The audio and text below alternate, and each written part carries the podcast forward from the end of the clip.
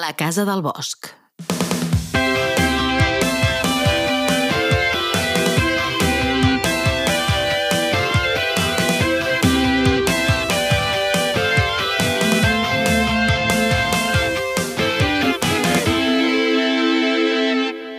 Capítol número 6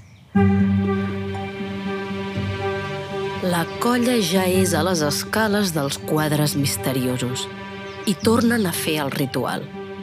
La Paulina llegeix la llista dels ingredients. Una branqueta de romaní. És dir-ho, i el quadre s'il·lumina. Tots ho han vist. S'hi acosten. És l'aquarela d'una mata de romaní. Anton té una idea. I, I si provem de despenjar-lo? Potser al darrere hi ha una inscripció que ens dona alguna pista. La Tina no ha esperat ni un segon. S'acosta com una fletxa fins davant del quadre, amb la intenció d'agafar-lo.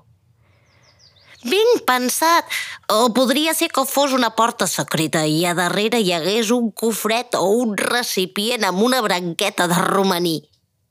En Sam no les té totes. Vigila, Tina.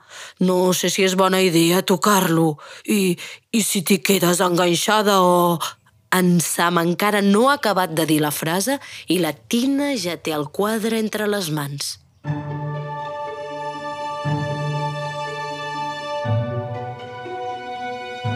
L'ha despenjat com si res. No hi ha cap porta secreta, però a darrere, a darrere sí que sembla que hi ha alguna cosa escrita. La Paulina s'està començant a posar nerviosa. Hi ha una inscripció, ho veieu? No es pot llegir perquè està a mitges.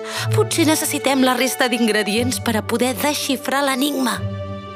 La teoria de la Paulina el sembla del tot encertada, així que un per un van dient tots els ingredients. Vuit aglans, cinc ginebrons, dues llimones, nou grataculs, sis arrels de pericó, tres flors de malva, set fulles de plantatge, quatre trompetes de la mort. Han anat despenjant tots els quadres i, efectivament, darrere de cada quadre hi troben paraules escrites. Nines, nanos, aquí hi ha un missatge amagat. Ara ens toca descobrir com el podem desxifrar. Mm, potser només cal ordenar aquests textos. Semblen fragments d'un únic missatge. Tots estan escrits amb la mateixa lletra.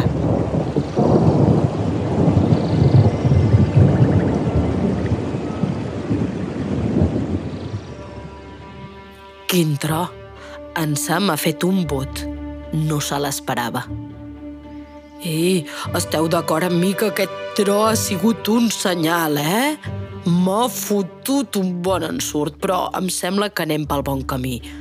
Ara, eh, si comença a ploure i els pares entren a casa, mm, val més que no ens vegin remenant els quadres o, o hi haurà soroll. En Sam és molt previsor. La colla se l'escolta i li dona la raó. Ai, tens raó, Sam. Per què no copiem les inscripcions a la llibreta? Paulina, mm, deixem els quadres al seu lloc i pugem a dalt a veure si, si podem treure l'entrellat d'aquest enigma? Quina organització. Anton canta la llista d'ingredients.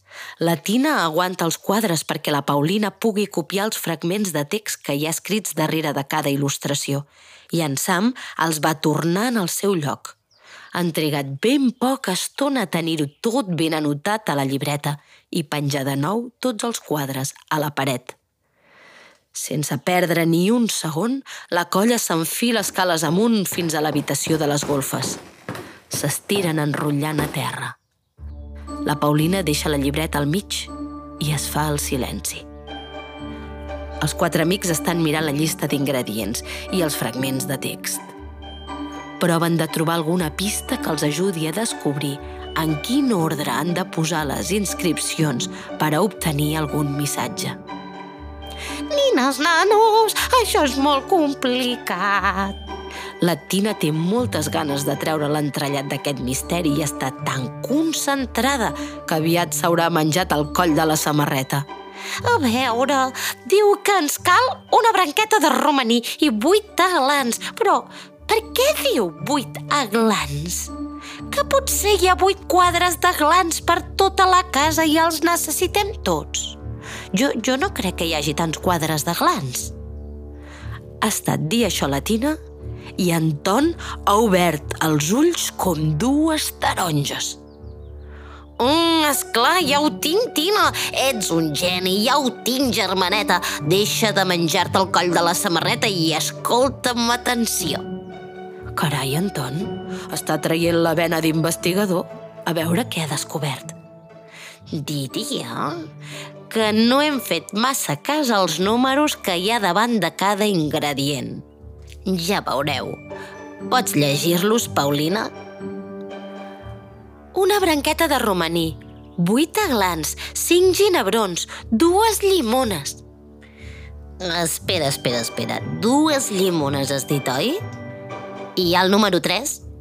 Sí, tres flors de malva i quatre trompetes de l'amor, cinc ginebrons. Nines, nanos, el meu germanet és un cat de crac, som un equipàs, esclar que sí, que bèstia, que bèstia, ja ho tenim.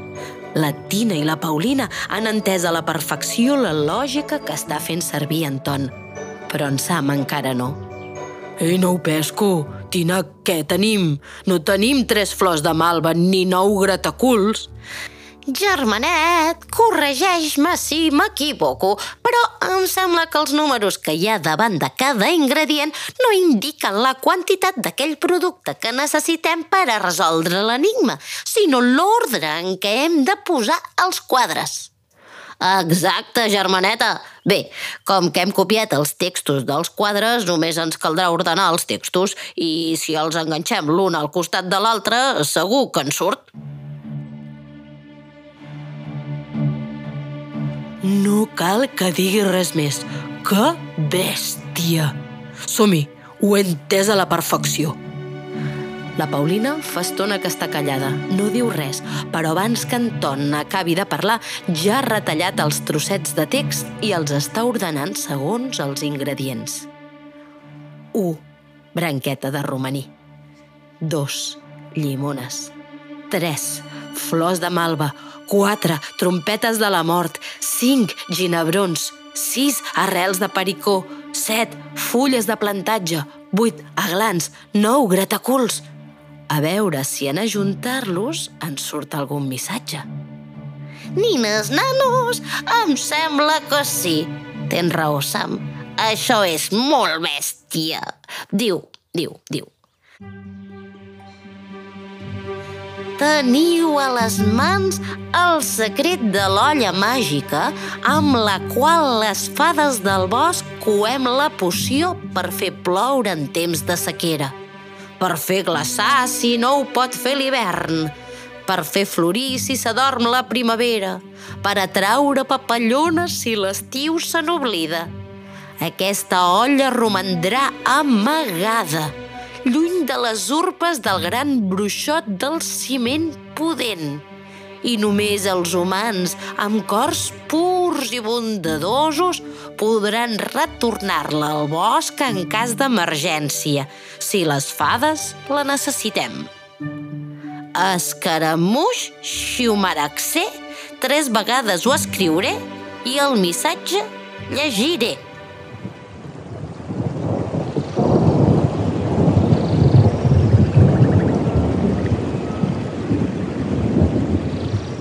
En Sam ha tornat a fer un vot.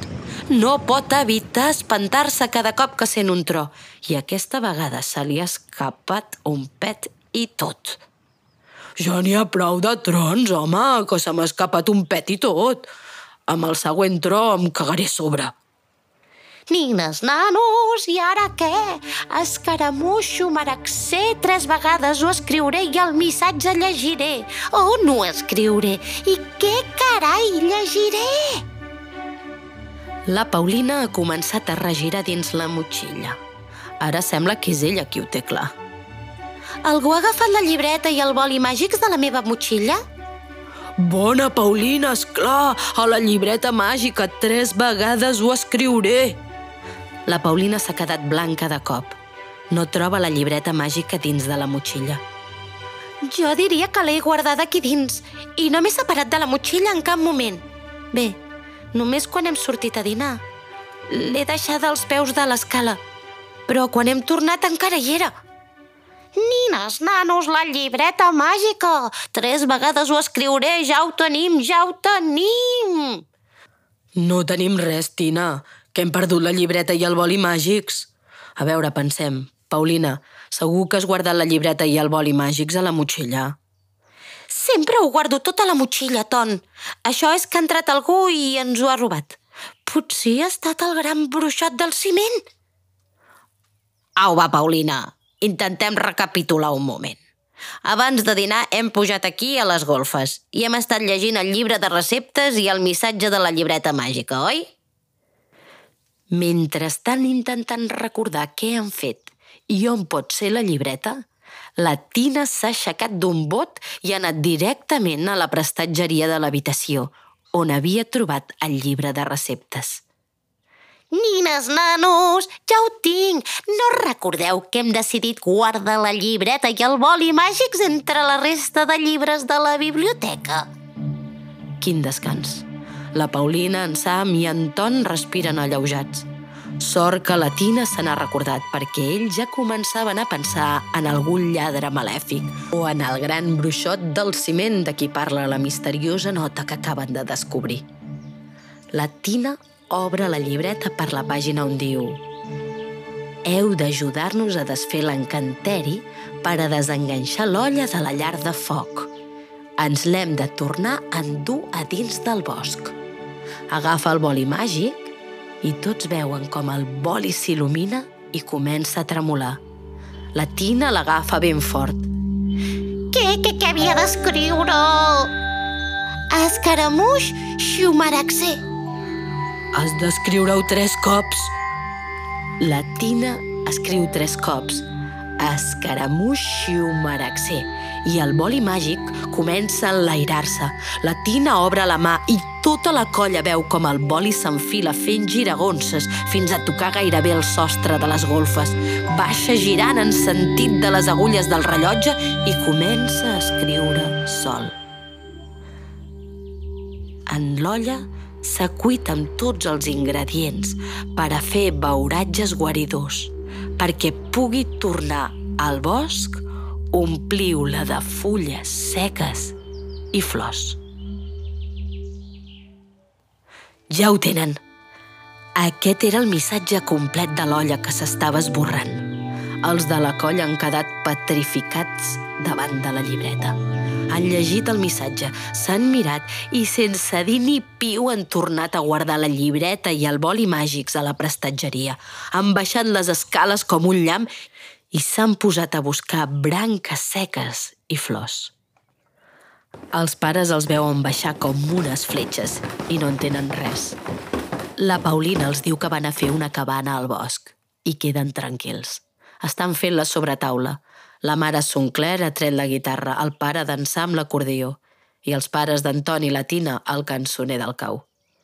La sobretaula s'allargarà fins l'hora de sopar. Els de la colla els coneixen bé. Tenen via lliure.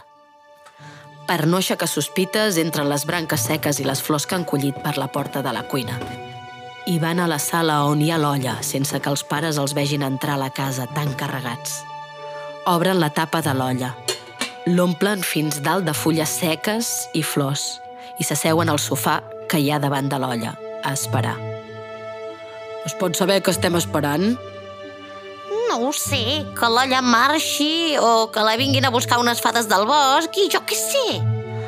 Ai, em sembla que ens falta alguna cosa.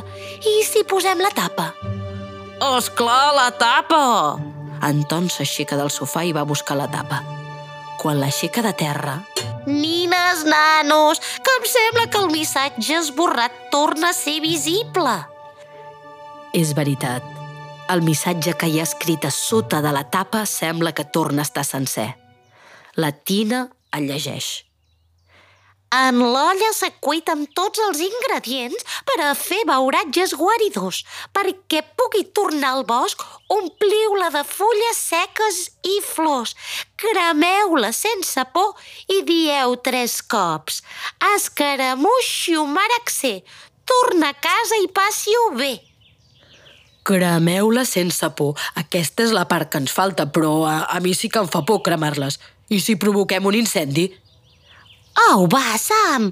L'olla està sota d'una xamaneia. Les xamaneies serveixen per encendre foc i absorbeixen el fum. Què vols que passi? No les tinc totes. Nines, nanos, ho hem de fer. Ens hem d'arriscar. Sam, vés a buscar una manta. Si veiem que això no funciona, taparem l'olla amb una manta perquè ofegui el foc. Ton, vés a buscar uns llumins a la cuina. Primer provarem d'encendre una branqueta i si veiem que la xamaneia s'endú el fum i la branca es crema sense cap problema, procedirem a l'encanteri. Estem d'acord? D'acord, Tina, em sembla bé. Primer mirem què passa cremant una branca. En Ton ja ha tornat amb els llumins i fan l'experiment. Posen la branca damunt de la tapa de l'olla i la xamaneia funciona a la perfecció. S'endú el fum i la branca es crema sense problemes. Ara sí que estan tots a punt per a fer l'encanteri. No poden dissimular els nervis i l'emoció. Què passarà? Funcionarà?